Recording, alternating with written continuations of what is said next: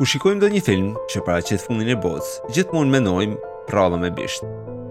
Por fatkeqësisht, shkencëtarë dhe dijetarë të fushave të ndryshme, menojnë se apokalipsi është më afër se asnjëherë. Dhe kjo nuk është teori konspirative. Një nga arsyet kryesore është edhe situata aktuale në Ukrainë. Prandaj në këtë episod do shikojmë disa ngjarje që kanë ndodh në histori dhe a mundet një person i vetëm të vendosë për fatin e njerëzimit.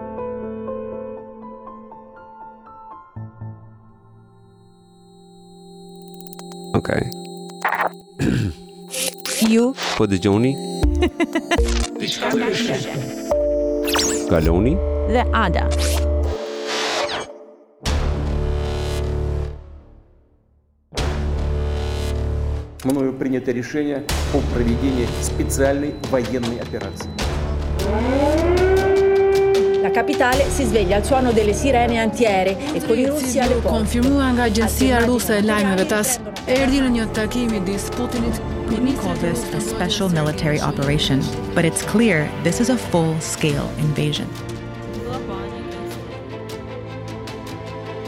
Konflikti Rusi-Ukrainë tashmë po vazhdon për më shumë se një vit. Po mban botën në presion, jo vetëm për situatën ekonomike dhe energjetike që ka krijuar, por edhe për politikën që po luhet në gjithë globin.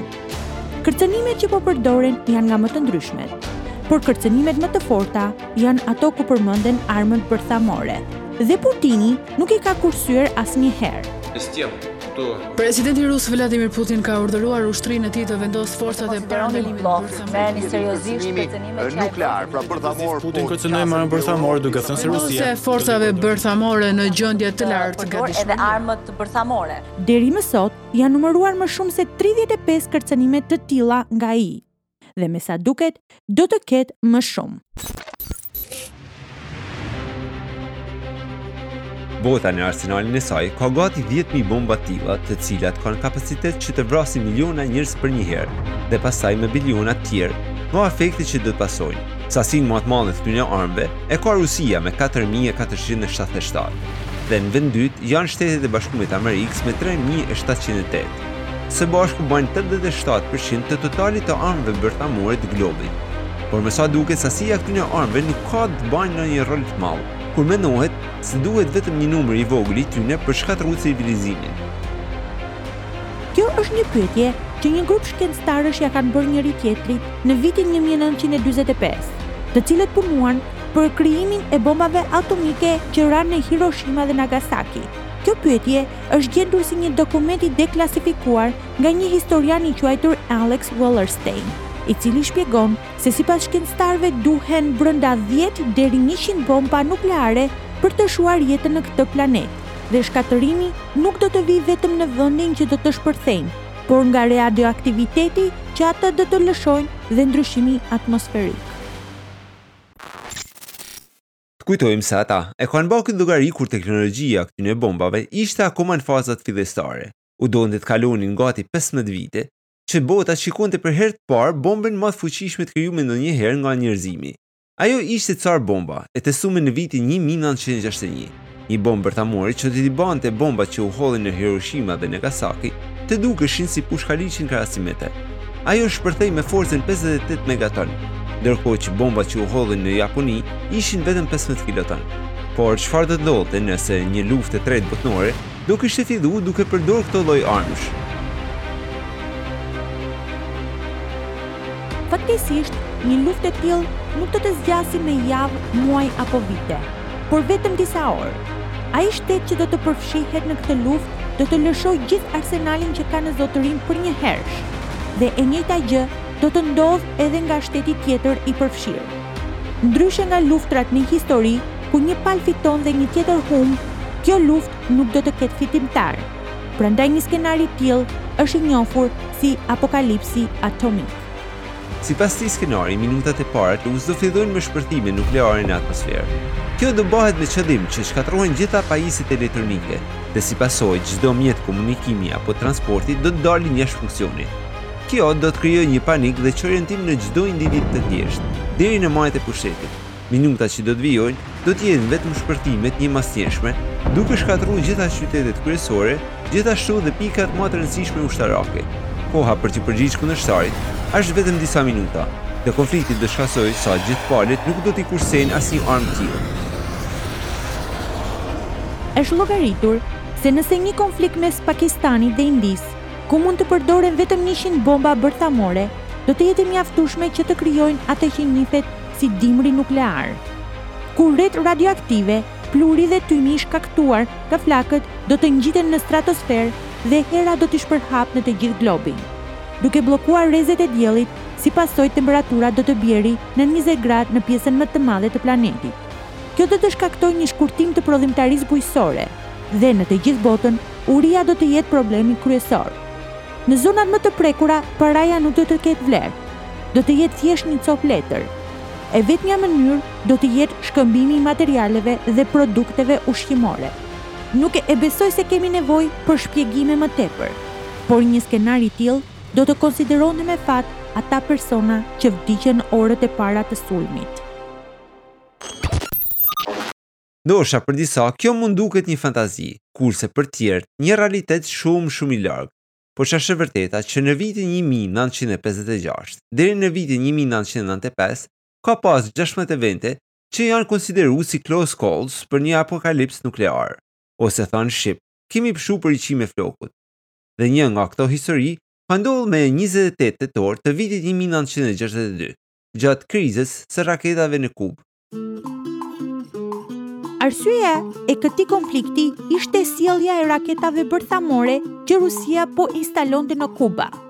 Kjo kishte ardhur si kërkesë që Fidel Castro i kishte bërë Nikita Krushovit për të siguruar mbrojtjen nga një sulm i mundshëm nga Shtetet e Bashkuara, të cilët në vitin 1961 kishin kërkuar të hidhnin poshtë Castron dhe sistemin komunist atje me një operacion ushtarak.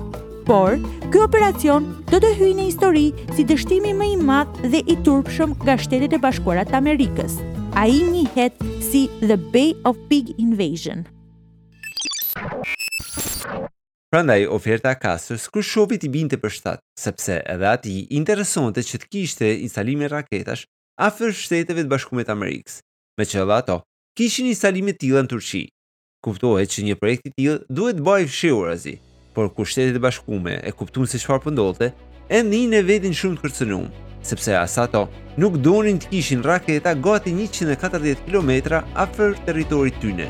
Kjo bani që qeveria amerikane me në krye presidentin e saj, John Kennedy, të krijonte një bllokadë detare në mënyrë që mos lejonte hyrjen e anijeve drejt Kubs.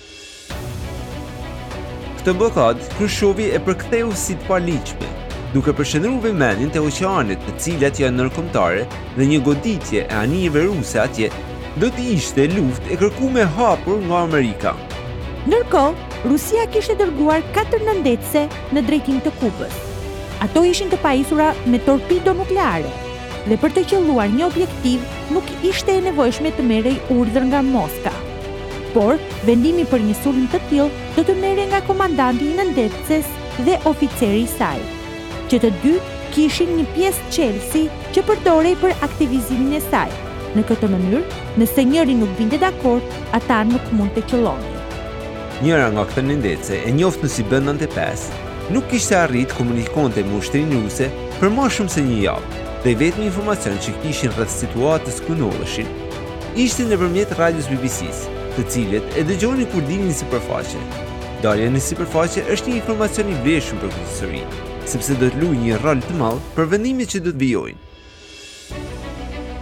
Kjo nëndetëse punonte me naftë dhe elektricitet. Asaj iu donte të delte nga uji çdo dy ditë për të kariku bateritë, të cilat e mani në funksion kur ishte zhytur në ujë. Gjatë bllokadës, anijet amerikane zbuluan vendosjen e saj dhe e rrethuan.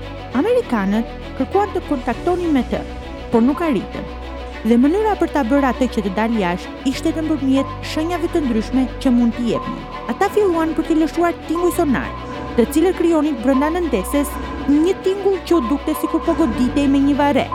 Kjo bëhej për të bezdisur ekuipazhin që të dilte nga uji, por nëndetësja nuk lëvizte. Ishte dita e dytë e rrethimit. dhe Kennedy kishte urdhëruar që absolutisht mos të qëllohen nëndetëset.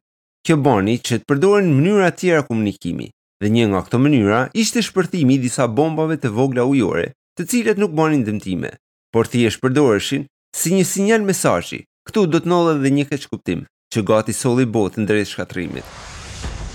Bateritë e nëndetëses po mbaronin dhe ato nuk mund të rrinin më shumë se një orë poshtë. Këtë informacion amerikanët nuk e dinin dhe lëshuan pesë bomba ujore. Kjo sipas tyre i jepte nëndetëses ruse për të kuptuar që duhej të largohej, por kodi rus të njëjtin paralajmërim e kishte vetëm nëse ishin tre shpërthime të tilla. Njëra nga këto bomba ra shumë afër nëndetëses. Këtë, komandanti i saj, Valentin Zavinski dhe oficeri i saj, Ivan Maslenikov, e kuptuan si sulm kundrejt tyre dhe menduan se lufta kishte filluar. Të rikujtojmë se ato kishin më shumë se një javë që nuk kishin komunikuar me komandën ruse dhe i vetmi informacion që ato kishin Ishte nga BBC-ja, që kishte thënë se Amerika është në prag lufte nukleare me Rusinë dhe pritet të fillojë çdo sekond. Në të njëjtën kohë, për të kursyer bateritë e nëndetëses, shumë aparatura që e mbashin atë në funksion ishin fikë dhe temperatura brenda saj kishte arrit mbi dyzet gradë Celsius. Këto kushte kishin influencuar dhe në psikologjinë e tyre brenda saj. I nervozuar, Zavinski thotë, Le t'i hedhim në erë të gjithë, t'i marrim me vete, meqë edhe ne do të vdesim. Kështu që vjen dakord dhe me Maslenikov do të godasin me torpedo nuklear në drejtim të anijeve dhe i japin çelësat njëri-tjetrit. Bomba që ata mbanin kishte një fuqi prej pesëmbëdhjetë kiloton e barabartë me atë që kishte rënë në Hiroshima. Duke u përgatitë për sulmin, Vasili Arkipov i cili ishte kapiteni i flotës, e kundërshton këtë vendim dhe mbas disa replikash, ai thotë Zavinskit të qetësohet dhe dalin në sipërfaqe, sepse sipas Arkipov, nëse lufta do të ketë filluar, ata do sigurohen vetëm nëse dalin në sipërfaqe. Megjithëse ai nuk e kishte çelësin, ishte kapiteni i flotës dhe kishte po të njëjtin autoritet si kapiteni i saj Zavinski, dhe kështu ata do dalin në sipërfaqe për t'u kthyer mbrapa nga anijet amerikane që e kishin rrethuar.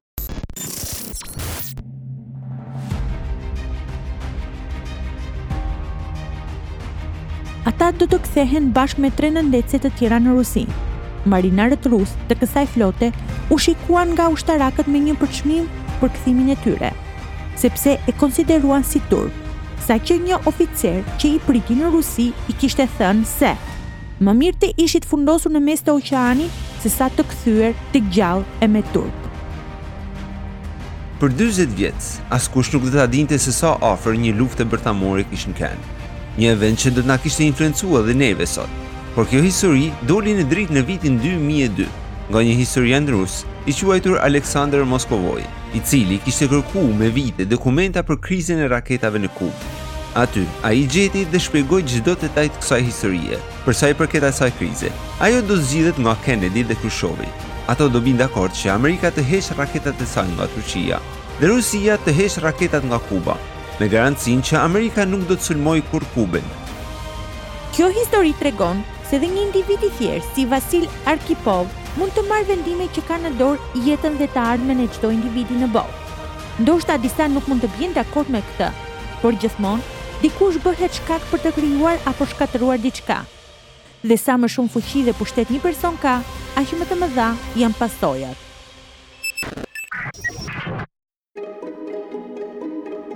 Ka shumë që mendojnë se Putini nuk mund të fillojë kurrë një sulm nuklear, sepse edhe nëse ai do të japë një urdhën të tillë, nuk do të aprovohet nga oficerët e tij. Por sa të sigurt jena për këtë? Ushtarakë që mbështesin Putinin dhe parimet e tij janë të besumit e tij. Janë ata ushtarakë që kur jepet një urdhën e zbatojnë verbërisht. Ky besim i përbashkët ka ba të çojë Rusinë në konflikt me Ukrainën. Kështu ka ndodhur gjithmonë n'histori. Një person është ba shkak që të ndryshojë botën pikërisht me atë pushtet që i ka dhënë autoritetin e duhur për të dhënë urdhna. Njerëzimi ka funksionuar gjithmonë në këtë mënyrë. me njerëz autoritarë, duke ia filluar në familje me figurën e prindërve, në shkollë me mësuesit, në punë me pronarin e tij. E kështu me radhë. Dikush duhet të jetë në krye dhe kjo s'ka asgjë të keqe. Kjo është mënyra më e mirë për të krijuar një organizim të shkëlqyer për arritjet më të mëdha në shoqëri. Por kjo ka dhe një të metë. Kur njerëzit i jepet një detyrë, nga një figurë autoritare mendohet se është e domosdoshme të zbatohet, edhe pse ajo detyrë mund t'i kushtojë jetën një apo më shumë personave.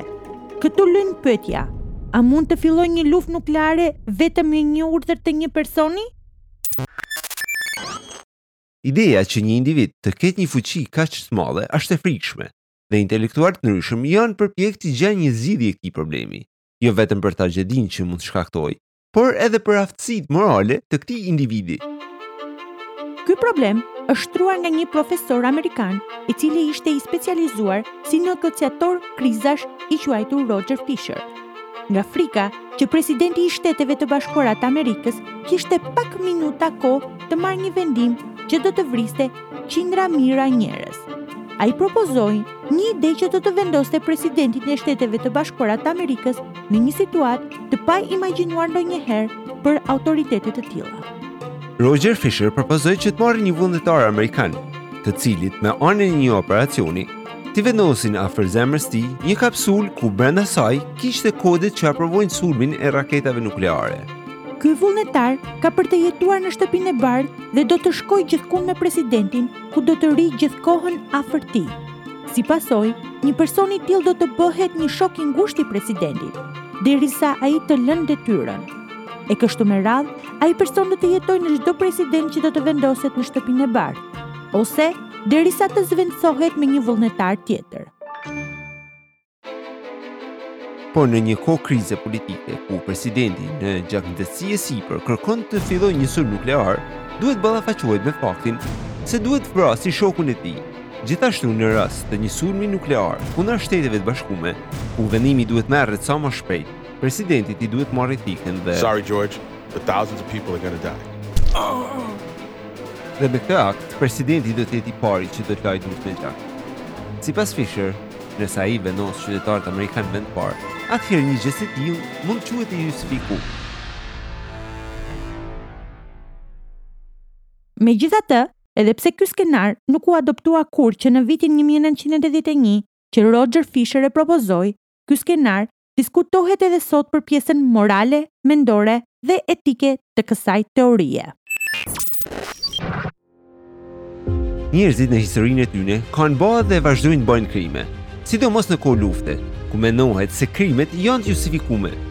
Kjo asht vu re ma s'miri në luftën e dytë botënore, ku janë shpalos gjitha imagjinatat çnjerëzore që njerëzit i banë njëni-tjetrit. sidomos në kampet e eksterminimit nazist, ku iu mor jeta dy pikë shtatë milionë njerëzve. Por kur lufta mbaroi dhe oficerët gjermanë u sollën në sallën e gjyqit, dhe asaj që njihet si gjyqi i Nurembergut, për të dhënë llogari për masakrat që kishin ba, ata gjithë u mbrojtën me fjalinë, Urdhnat janë urdhna. Ne jemi oficerë dhe detyra jonë është të zbatojmë urdhnat. Kështu që në fund ditës i bie që këta oficerë janë njerëz të zakonshëm të cilët thjesht kanë ba detyrën e tyne. Kjo teori e bëri një psikolog amerikan i quajtur Stanley Milgram të krijonte një eksperiment social për të verifikuar se a mundet një njeri i thjeshtë t'i bindet një individi me autoritet dhe pse ai urdhër është i padrejtë.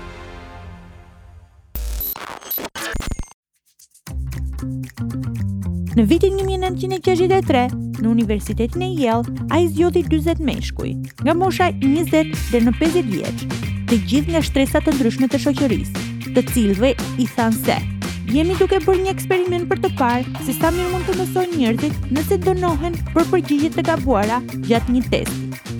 Për këtë ai mori dy persona me radhë dhe i tha që do të hidhet një short, në mënyrë që të vendoset nga shansi se cili do të luajë rolin e mësuesit dhe cili studentit. Pas shortit, ai do t'i ndajë këto pjesëmarrës në dy dhoma të ndara nga një mur. Në dhomën e parë do futet studenti, kurse në dhomën tjetër do të futet mësuesi. Përpara se të fillonte testi, mësuesi, studenti dhe Milgram do të futen tek dhoma e parë, ku ndodhej një karige me disa ripa e tela, në të cilën do të lidhej studenti.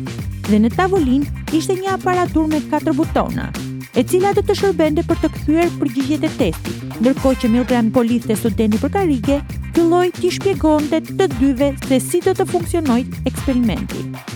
Ai i tregon studentit se nga dhoma tjetër mësuesi nga mikrofoni ka për tregu si fillim 4 opsione përgjigjesh, të cilat do t'jenë çifte fjalësh, si për shembull, Një, mace qen, Dy, makinë veturë, Tre, lopë dele, Katër, pambuk kadife. Dhe në fund do të japin pyetjen, dhe nëse pyetja që do të jepet është transport, përgjigjja korrekte do ishte pra makinë veturë. E kështu me radhë. Përgjigjja do të kthehet me anë të butonave që studenti kishte mbi tavolinë. Por nëse përgjigjja do të ishte e gabuar, mësuesi nga krahu tjetër do t'i shkarkonte një shok elektrik. Dhe këta shkarkime fillonin në pesëmbëdhjetë volt. dhe për çdo përgjigje të gabuar, voltazhi për përgjigjen tjetër të gabuar do të rritet me 15 volt. Pra, përgjigja e gabuar e dytë do të ishte 30 volt, e treta 45 volt, e katërta 60 volt e kështu me radhë, derisa studenti do të mësonte të gjitha përgjigjet. Në këtë moment, studenti e pyet Milgram se sa të rrezikshme janë këto shkarkime për shëndetin e tij, sepse ai vuante nga zëmra. Milgram përgjigjet duke i thënë se këto shkarkime elektrike mund t'i japin dhimbje, por nuk janë të rrezikshme për shëndetin. Pas kësaj, Milgram do futet në dhomën tjetër me mësuesin, ku ky i fundit do ulet para një tavoline, ku përpara tij ndodheshin letrat me pyetjet dhe një aparaturë që ishte me 30 çelësa, ku secili nga këto shënonte voltazhin që do shkarkohet te studenti.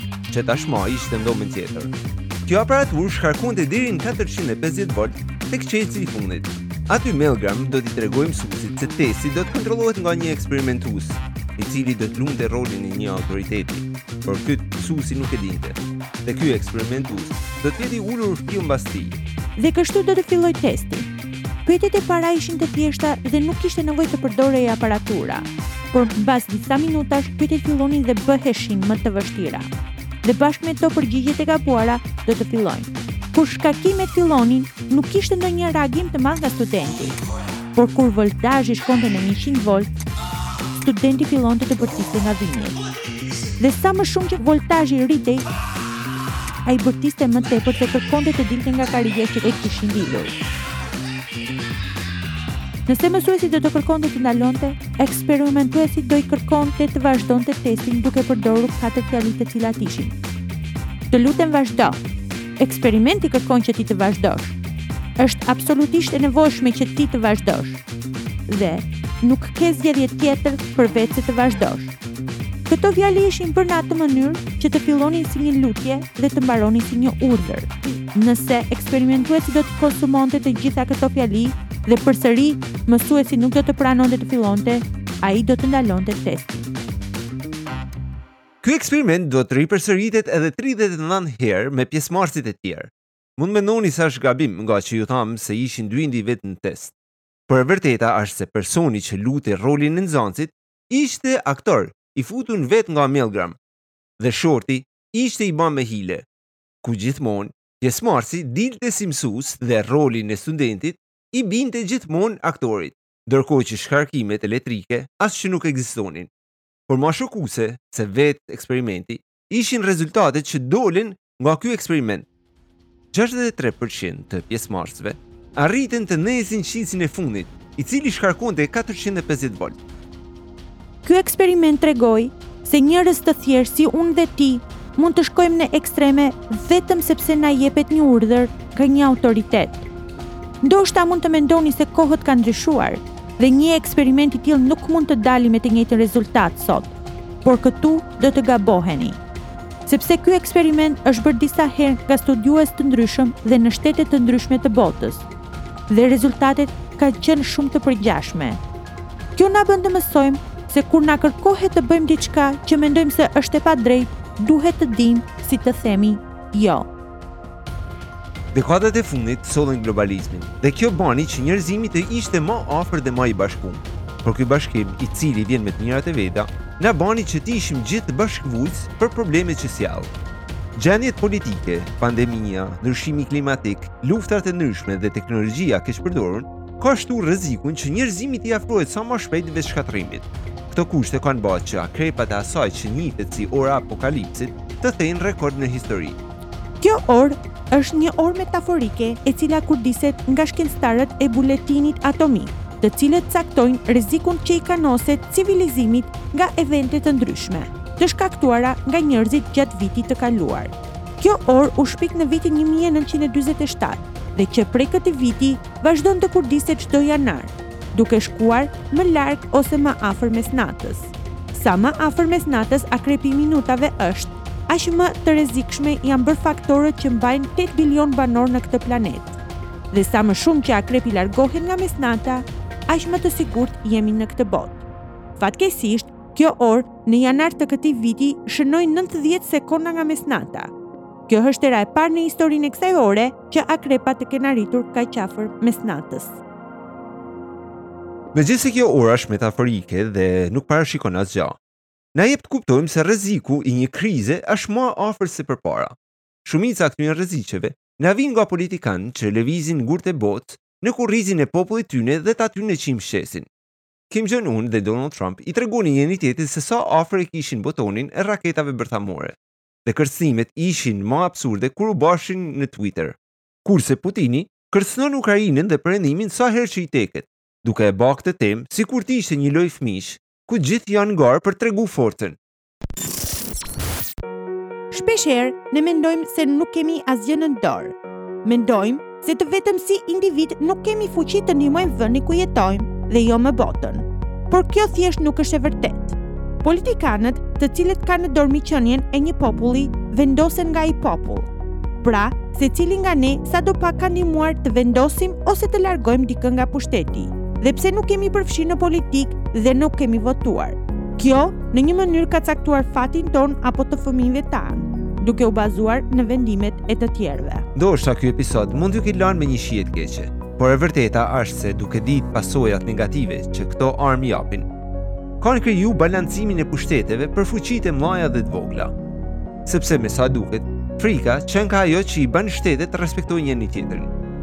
Nëse një shtet i vetëm do të zotëronte këto armë, atëherë gjitha shtetet e tjera do të ishin të nënshtrume nën atë forcë. Nëse Perëndimi nuk do të kishte këto armë, Rusia do ta kishte marrë Ukrainën mrenda ditës dhe gjithashtu do kishte marrë gjithë botën. E njëjta gjë do kishte ndodhur me Izraelin, Kinën, Indinë etj etj. Pra, në një mënyrë, këto armë kanë balancu të dobtin nga i forti dhe anasjalltas.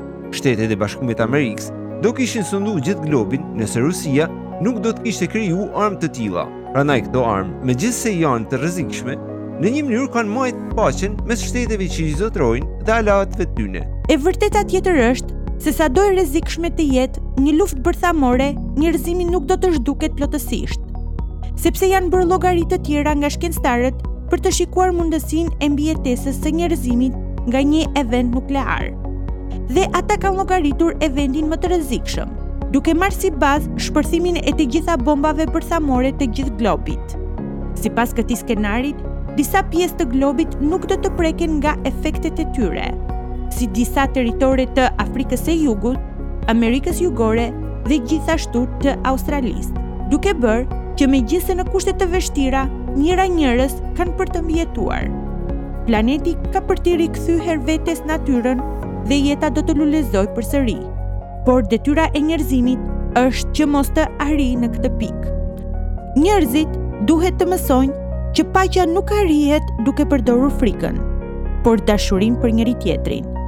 Sepse në fund të fundit nuk ka rëndësi në cilin shtet një person ka lindur, cilën bindjes fetare i përket apo ngjyra e lëkurës. Ne jemi gjithë banorë të kësaj shtëpie të madhe e quajtur Tokë. Këtu i vjen fundi këtij episodi, por përpara se ta myllim, kena lanë diçka të vogël për ju që na dëgjoni. Përpara se ky episod të publikohej, vendosëm një postim në Instagram ku paraqitëm një skenar në të cilin thuhej se ti je një person që ke n'dorë butonin që lëshon bomba bërthamore. Të vjen një lajm se një shtet tjetër Ka lëshu bomba bërthamore drejt shtetit ku ti jeton. Por mesazhi është vetëm 50% i vërtetë. A do ta kishe shtyp at buton? Po apo jo? Atyne personave që morën pjesë në votim, i kërkum që të na dërgonin një koment ose mesazh zanor për arsyen e votimit të tyre. Dhe disa nga këto mesazhe zanore do t'i dëgjoni tani. Incoming message. 1. Ok, mënyra si e logjikova unë është që në qoftë se ata e kanë shtypur butonin dhe unë s'e shtyp, i bje që ne kemi 50% shans për të vdekur, ne do vdisnim. Që ok, ke një shans që mund të humbësh jetën.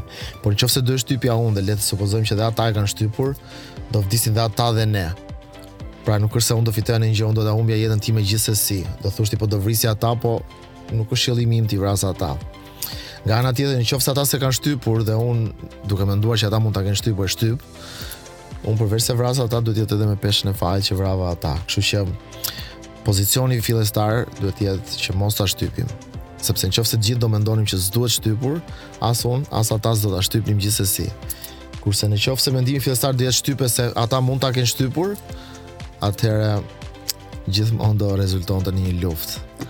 Nuk fitojmë asnjë gjë duke qenë kështu hakmarrës. Nuk e di sa i qartë ishte. Atje jo, përgjigjen jo e dhashë për arsy se me marrë vendimin me lëshu bombë atomike me, me 50% më duket e prume. Nuk e di, shpresova në faktin që s'e kanë lëshu tjerët si të thosh.